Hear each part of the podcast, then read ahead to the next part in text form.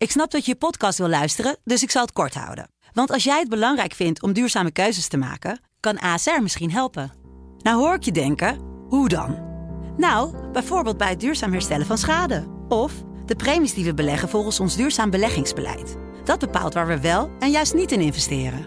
Wil je meer weten over welke duurzame keuzes ASR maakt? Ga dan naar asr.nl slash duurzame keuzes. ASR doet het. Zo, dan kan je nu lekker naar je podcast luisteren.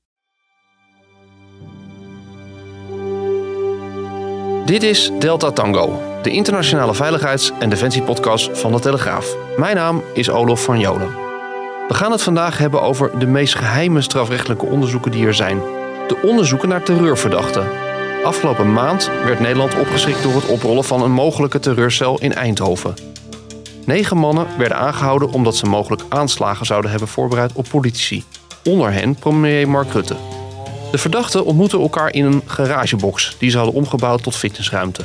Zelf stellen de Brabanders dat ze daar alleen kwamen vanwege de corona, omdat de sportscholen gesloten waren. Tegelijkertijd waren er dusdanig ernstige verdenkingen dat zware opsporingsmiddelen zoals het plaatsen van afluisterapparatuur in woningen werd toegestaan.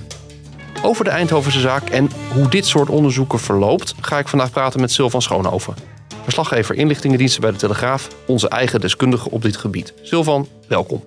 Goedemorgen. Um, om met Eindhoven te beginnen, kan je nog even kort samenvatten waar deze zaak om gaat? Ja, we hebben te maken met negen jonge mannen die zijn aangehouden omdat ze aan het speculeren waren onder elkaar over het plegen van moordaanslagen op Rutte, Baudet en Geert Wilders.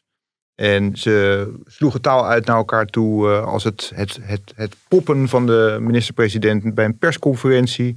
Het uh, gebruiken van sluipschutters vanaf een dak. Het uh, live op Facebook onthoofden van Geert Wilders. Nou, allemaal hele forse taal. Ze hadden ook op, op Facebook riepen ze de nodige zaken, of in online waren ze actief. En zondag was er ook bij Nieuwsuur nog een kleine toevoeging aan het dossier. Namelijk dat twee van die mannen op een schietbaan in Oost-Europa hebben gestaan. En daar gefotografeerd zijn met een groot geweer. En nou ja, wat je daarvan uh, moet denken is natuurlijk altijd een beetje lastig in te schatten. Uh, ja, twee mannen op een, op een schietbaan waar ze voor een, voor, voor een geldbedrag een aantal geweren konden afschieten. Dat komt natuurlijk wel vaker voor deed een klein beetje denken ook aan dat, dat verhaal over Freek Jansen van Forum voor Democratie, van wie, over wie kort geleden ook zo'n verhaal was. Die had ook op een schietbaan gestaan. Daar was ook iets geroepen over Mark Rutte. Uh, filmpje daarvan was in omloop en dat, ja, dat, dat, bleef toch heel erg in de lucht hangen van ja, hoe erg is dat nou om daar, te, ja, maar, daar te staan op die schietbaan. Maar in deze zaak is er ook een verband met een omstreden breker volgens mij, wat alarmbellen deed afgaan.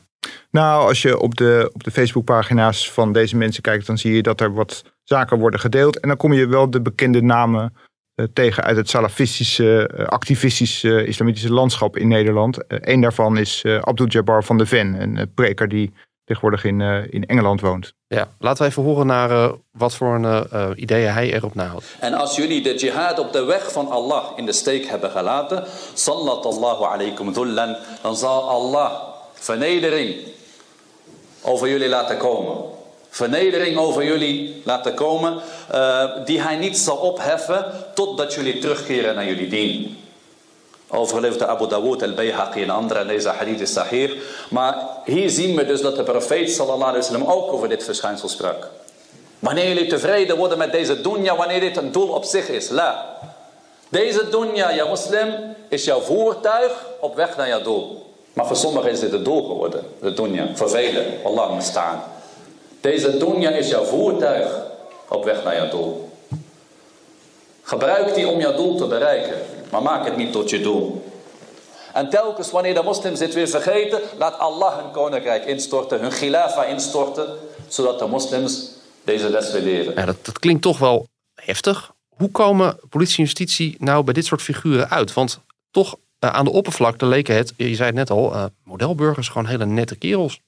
Ja, hoe justitie en de inlichtingendienst nou bij deze mensen terecht is gekomen, is, is echt een grote vraag. Dat, dat weten we niet. Dit zijn namelijk uh, mensen zonder strafblad. Die zijn, voor zover we weten, niet eerder in beeld geweest. Ze hadden allemaal goede carrières. twee werkten daarbij ASML, de, de chipfabrikant in Eindhoven. Nou, daar moet, je, daar moet je heel wat voor kunnen om daar aan de slag te gaan. Prima carrières. Dus ja, heel, heel anders dan bijvoorbeeld bij die mannen van de Arnhemse terroristencel, die in 2018 werden, werden aangehouden.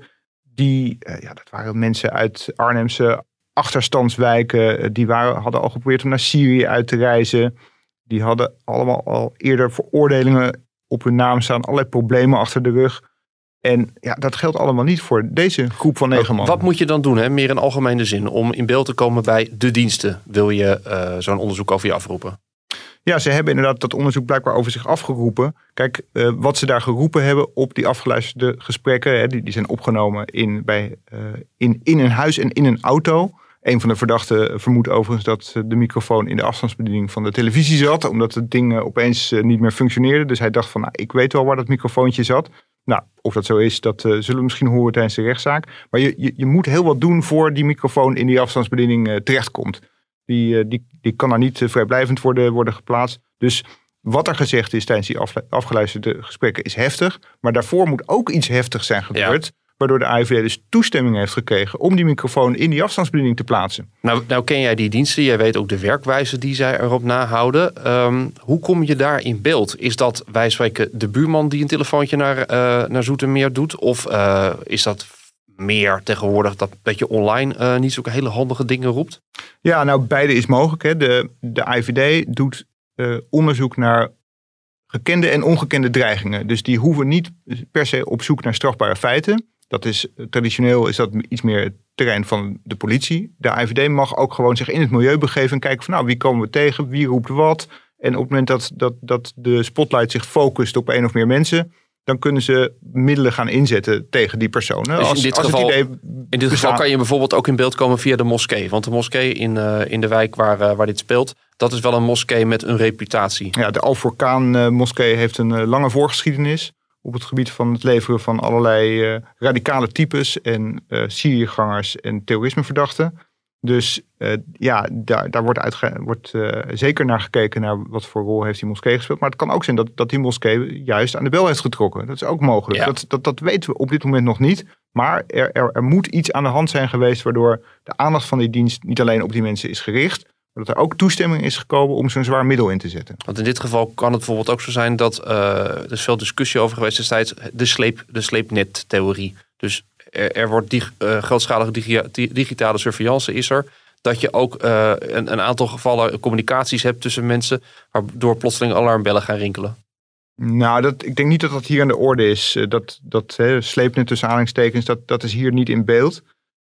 je, moet eerst denken aan op het moment dat, dat iemand in beeld komt bij, de dienst, dan kunnen er middelen ingezet worden. Bijvoorbeeld, er kunnen telecomgegevens worden opgevraagd van met wie heeft iemand gebeld, waar was hij, uh, ja, uh, liep hij bijvoorbeeld rond op het Binnenhof, hè, in de buurt van een persconferentie van Mark Rutte. Dat wil je weten. Dat kun je vrij eenvoudig opvragen bij de telecomprovider, die gewoon weet waar iemand belt en met wie. Maar hier komt dan een koppeling van je ziet uh, een bepaald groepje mensen, uh, kan je ook digitaal bij elkaar gaan zien. En je ziet op een gegeven moment fysiek dat die mensen zich allemaal op dezelfde plek ja. bevinden. In die garagebox waar ze aan het sporten waren. Ja, en dan, en dan wil je natuurlijk weten van wat gebeurt er in die garagebox. Wat, wat wordt er besproken tussen die mensen. En dan kun je dus zwaardere middelen gaan inzetten. Maar daarvoor moet, die, moet, moet je echt serieus het idee hebben dat daar strafbare zaken of in elk geval gevaarlijke zaken worden, worden besproken de dienst kan allerlei gereedschappen inzetten. Hè. Die hebben een goed gevulde gereedschapskist. Dus, Wie moeten ze dan vragen of dat mag? Want het is dus niet zo dat uh, als een Zoetermeer een, een afdelingshoofd denkt... nou, uh, die lui, dat staat me niet aan. Uh,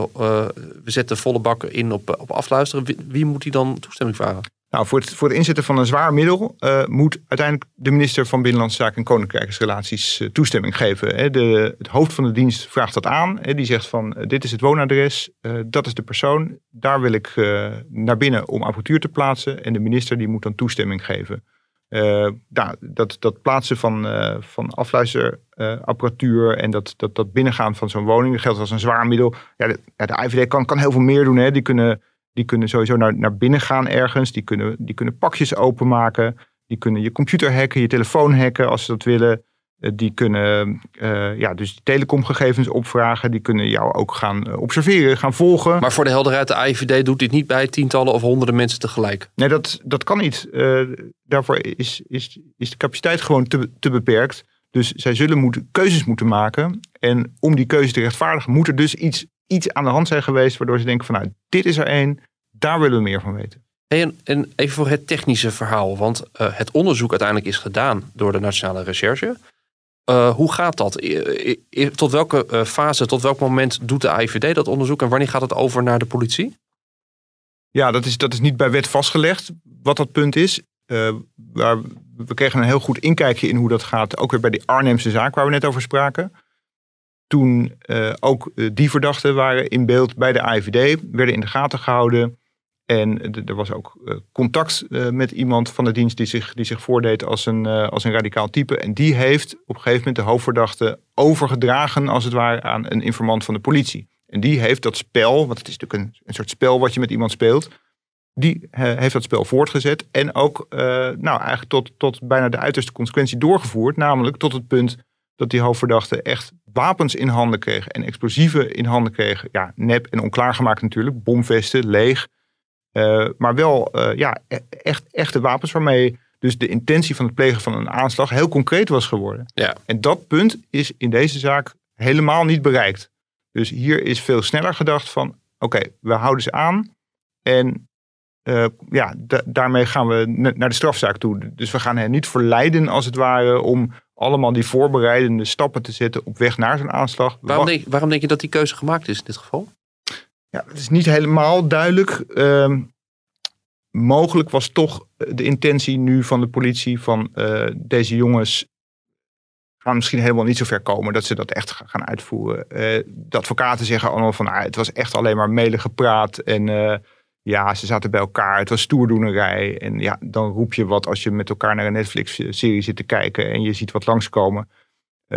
mogelijk dacht de politie van nou, weet je, we willen gewoon een eh, hele harde waarschuwing geven aan, deze jongens. Stuk maken noemt de politie het altijd, hè? Stuk maken. Uh, er is een dreiging tegen, tegen Rutte. Er is een dreiging tegen, tegen politici. Dus we moeten dit heel serieus nemen.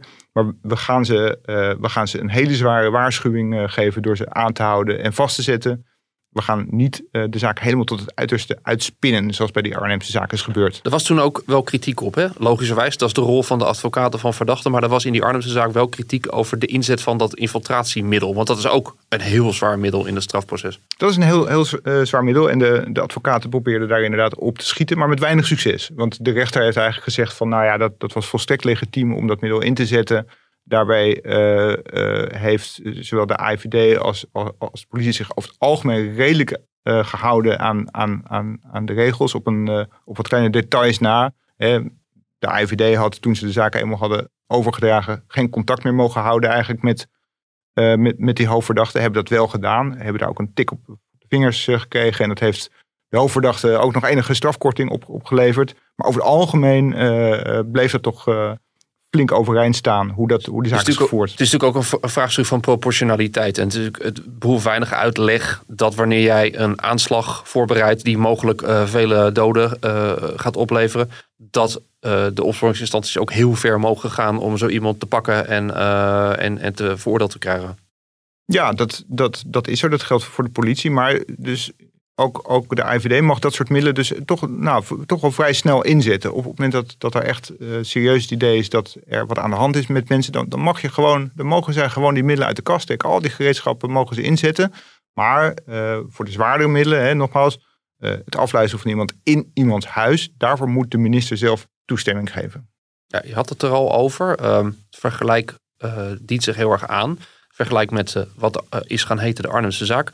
Laten we even luisteren naar uh, hoe dat toen naar buiten kwam. De politie infiltreerde in de terreurcel die in Nederland een grote aanslag wilde plegen. Vorige maand werden zeven mannen opgepakt. De aanslag zou op zeer korte termijn worden gepleegd. We weten in ieder geval eh, van bronnen rond het onderzoek dat deze infiltratieactie maanden heeft geduurd. En dat twee politie-infiltranten zich voordeden als leden van IS die ook wapens aan de groep konden leveren. Nou, die wapens zijn ook daadwerkelijk geleverd op 27 september, de dag van de arrestatie. In de middag is er een ontmoeting geweest tussen vier leden van de terrorismeverdachten en uh, twee infiltranten van uh, de politie. En die hebben onklaargemaakte handvuurwapens uh, overhandigd, geleverd. Uiteindelijk zijn ze dat vakantiepark weer afgegaan. En toen die terrorismeverdachten ook weg wilden rijden, toen werden ze ingerekend eh, door een enorme politiemacht. En daarmee is dus voorkomen dat ze verder konden gaan met het plannen van die aanslag. Sylvan, jij spreekt veel mensen uit die inlichtingenwereld. Als je nu met de beperkte informatie die we kennen, uh, die twee zaken naast elkaar legt, hoe, hoe, hoe, hoe vergelijk je ze? Nou, het is duidelijk dat die, dat die Arnhemse zaken eigenlijk veel ernstiger was. Hè. Daar, daar waren, zijn op een gegeven moment waren wel wapens in het spel. Daar waren wel bomgordels in het spel. De wapens waren onklaargemaakt. De bomvesten waren leeg. Maar er was wel degelijk natuurlijk duidelijk dat de jongens echt van plan waren om die wapens als ze echt waren, om ze te gaan gebruiken. Daar is eigenlijk geen twijfel uh, over mogelijk. Sterker nog, tijdens de aanhouding is ook geprobeerd te schieten met die wapens op de, op, op de politie die ze uh, in de kraag vatten op dat moment. Nou, pas toen kwamen ze erachter van hé, hey, die wapens doen het helemaal niet. Nou, uh, dat is hier helemaal niet aan de orde. Hier heb je eigenlijk te maken met een, wat je dan noemt, een uitingsdelict. Dus er, er zijn dingen geroepen, er is gespeculeerd, maar er was zo lijkt het nu in elk geval, niet sprake van een, van een, van een plan, laat staan een uitgekristalliseerd plan. Als je nu het beeld een beetje ziet, uh, is dit überhaupt een, een, zaak die strafrechtelijk een beetje kansrijk is? Of, of gaat dit eindigen in een, in een CEPO? Nou, ik denk, ik denk niet dat dat een CEPO wordt. Want zaken zijn, zijn geroepen zoals ze zijn geroepen. Een van de advocaten die. En dat is ook al hartstikke strafbaar, dit soort uitingen. Ja, dit is, dit, dit is strafbaar. En zoals, zoals een van de advocaten zei: van ja, als ik uh, het OM geweest was, ik had ze ook, ik had ze ook aangehouden. Ja, ja ik had ze ook aangehouden. Dus uh, alleen bij uitingsdelicten ja, zijn die straffen natuurlijk niet, niet zo hoog dat je daarvan schrikt. Zeker niet op het moment dat verdachten zoals deze eigenlijk onbeschreven bladen zijn. Hè? Geen, geen, geen strafblad, een first offense. Ja, dus dat zal heel erg in de voorwaardelijke sfeer komen te zitten. Ja, want de straffen uit, uitrollen, maar niet vergelijkbaar zoals, zoals Arnhem, waarbij het echt uh, om jaren gaat. Hè? 15, 15 tot 17 jaar, uh, nou echt uh, forse straffen. Dat is hier natuurlijk absoluut niet aan de orde. Nee. Hey, als we nou vanuit Eindhoven een beetje uitzoomen en we kijken naar die, naar die hele jihadistische scene in Nederland. hoe staat die er nu voor? Ja, de jihadistische scene in Nederland is rustig op het moment. Hè. Dat, dat is geconstateerd door de, door de AIVD en de, de NCTV. Die, die zeggen van er is een soort stabilisatie. Die groep die, die groeit niet meer zo. Krimpt ook niet echt. Uh, er is gebrek aan charismatische leiders.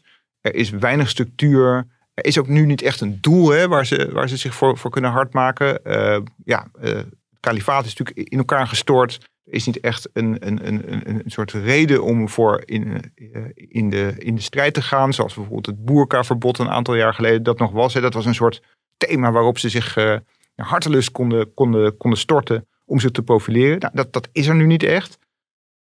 Dat betekent niet dat die jihadistische scene nu ongevaarlijk is. Hè? Want even voor de duidelijkheid, de IVD en de NSV zeggen nog steeds... de jihadistische scene is nog steeds de grootste dreiging voor Nederland ondanks dat de dreiging op, of dat, dat de aandacht op dit moment iets meer ligt op extreem rechts, op uh, corona, complotdenkers en dergelijke. En um, de, het risico, op een, dat, het risico, dat, het risico op een aanslag wordt door de diensten nog steeds als reëel ingeschat vanuit die hoek. Uh, reëel, dus dat betekent uh, drie van vijf dat is wel eens hoger geweest. Hè? Dat is jarenlang is dat vier geweest. Dus toen uh, was zo'n aanslag dichterbij uh, dan, dan, dan nu. Maar ja, hij is nog steeds reëel. Hij is overigens ook heel, heel even vijf geweest in Utrecht op het moment dat de tramterrorist Gukmentanus in 2019 uh, ehm, nog vrij rondliep. Toen God in Utrecht ja, dreigingsniveau 5. Nu is het, nu is het drie.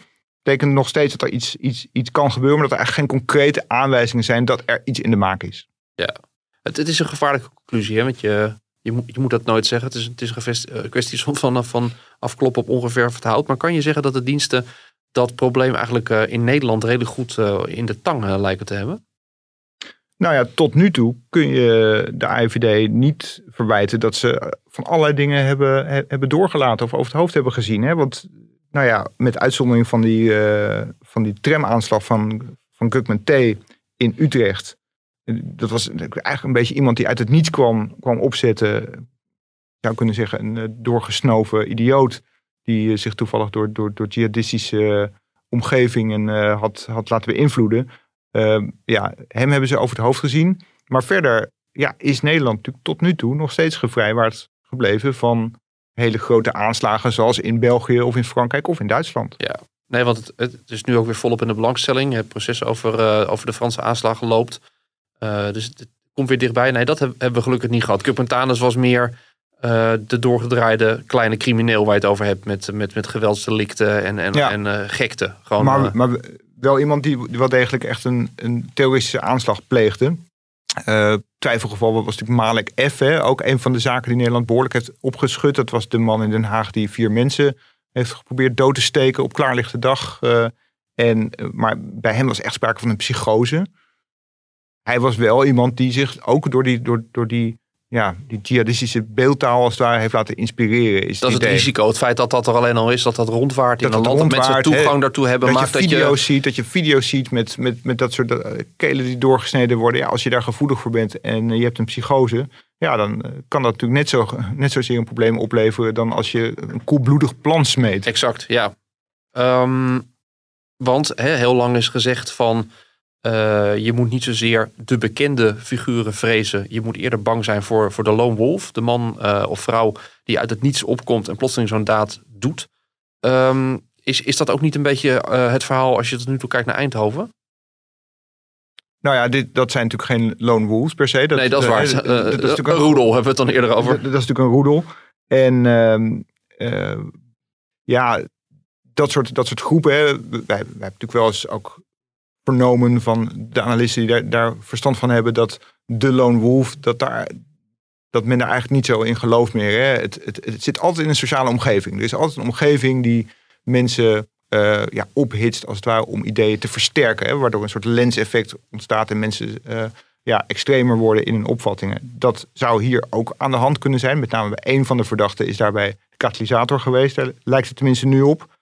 Een van die, uh, een van die mensen uit, uit, uit Eindhoven ja, het is, het is goed dat de dienst uh, hier zo bovenop zit. Want uh, elk, elk moment kan toch in die jihadistische scene in, Nederland kan weer een klimaat ontstaan waarbij die dreiging ineens toch weer toeneemt. En we, moeten er toch rekening mee houden dat dat dreigingsniveau zomaar weer naar vier kan gaan. Of dat er iets, ja, dat er iets gebeurt.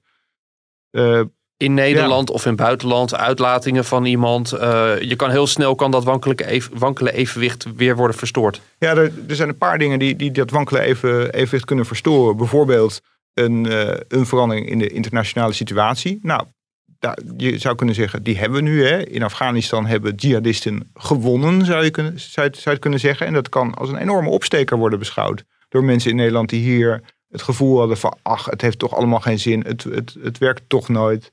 Uh, die kunnen hier heel veel hoop uitputten en ook uh, nieuwe energie. En wat ook kan bijdragen is het, is het vrijkomen van terrorisme veroordeelden die langzamerhand weer van de uh, terroristenafdeling van de gevangenis afkomen. En die zich weer gaan mengen in het, in het milieu en daar als aanjagers kunnen, kunnen functioneren. Daar is, daar is de dienst echt bang voor. Ja, en daar rekenen we ook toe de, de terugkeerders. En dat is natuurlijk ook nu volop aan de orde de vrouwen met name nu, maar eventueel ook straks de mannen die terugkeren uit de gevangenissen en de, en de kampen in Koerdistan. Ja, wat voor rol gaan die vervullen hier in dat milieu? Worden dat helden? Worden dat, uh, ja, worden dat voorvechters? Worden dat rolmodellen? Of gaan die zich hier, uh, ja, gaan die hier een teruggetrokken leventje leiden als ze klaar zijn met, met hun straf en houden ze zich verder ver van uh, dit soort zaken? Dat, dat wordt heel bepalend voor welke kant dat jihadistisch milieu opgaat. Nou, dus dat is uh, ja, reden over om dit, uh, om dit heel goed te blijven volgen. de komende weken moet meer duidelijk worden over de Eindhovense zaak. De verdachten zitten niet langer in beperkingen waardoor ze met hun advocaten kunnen praten die op hun beurt zijn begonnen om hun zaak naar buiten toe te bepleiten. We hebben daar de eerste uiting al van gezien. binnenkort zullen de mannen ook voor de rechter moeten verschijnen in het kader van de procedures die er gelden. Uh, Sylvan, dus ik, ik, neem aan dat jij dit echt op de voet blijft volgen, uh, ook voor ons. Ik ben heel, heel benieuwd naar, naar, die eerste zitting inderdaad, waarbij we voor het eerst ook van hen zelf tekst en uitleg zullen krijgen over... Wie zijn dat? Je wil die mensen in de ogen kijken, je wil daar... Wat voor uh, mensen zijn het? En ze zullen ongetwijfeld van alles gaan beweren over, over dat gesprek wat daar is afgeluisterd en intenties die naar eigen zeggen ongetwijfeld enorm mee zullen vallen. Ja, nou, mooi. Nou, ook voor deze zaak geldt dus, we blijven het volgen met Delta Tango en we komen erop terug als het nodig is. Dit was het voor deze aflevering. We hopen dat u met eh, plezier heeft geluisterd. En als dat zo is, laat het weten door middel van een recensie op een van de bekende podcastplatforms. En als u geen aflevering van Delta Tango meer wilt missen, abonneer u daar dan. Wij zijn er over twee weken weer met een onderwerp uit de wereld van internationale veiligheid en defensie. Interesse in meer podcasts? Luister dan ook naar Het Land van Wierduk. Het gevaarlijke is dat dat woke wordt omarmd door politieke partijen, media, instituties, vooral de academie, dus universiteiten, onderwijsinstellingen. Een podcast van de Telegraaf met analyses op het nieuws die u elders niet hoort. Met Wierduk. Als je je, je biologische geslacht zeg maar, baseert op een gevoel. Ik voel mij vandaag een lantaarnpaal, dus ik ben nu een lantaarnpaal. Dat is puur middeleeuws obscurantisme. En dan kun je net zo goed zeggen, ja, maar de jongens, de wereld is niet rond, die is plat. En Robert Ophorst. Met het gevaar dat ik weer advocaat van de Ja. duivel ga spelen. Maar Elke donderdag een nieuwe aflevering. Natuurlijk te beluisteren op de site en app van de Telegraaf en in jouw eigen podcast-app. In die gekte zijn we dus al langere tijd terechtgekomen. En dat trans... ik zit weer op te winnen.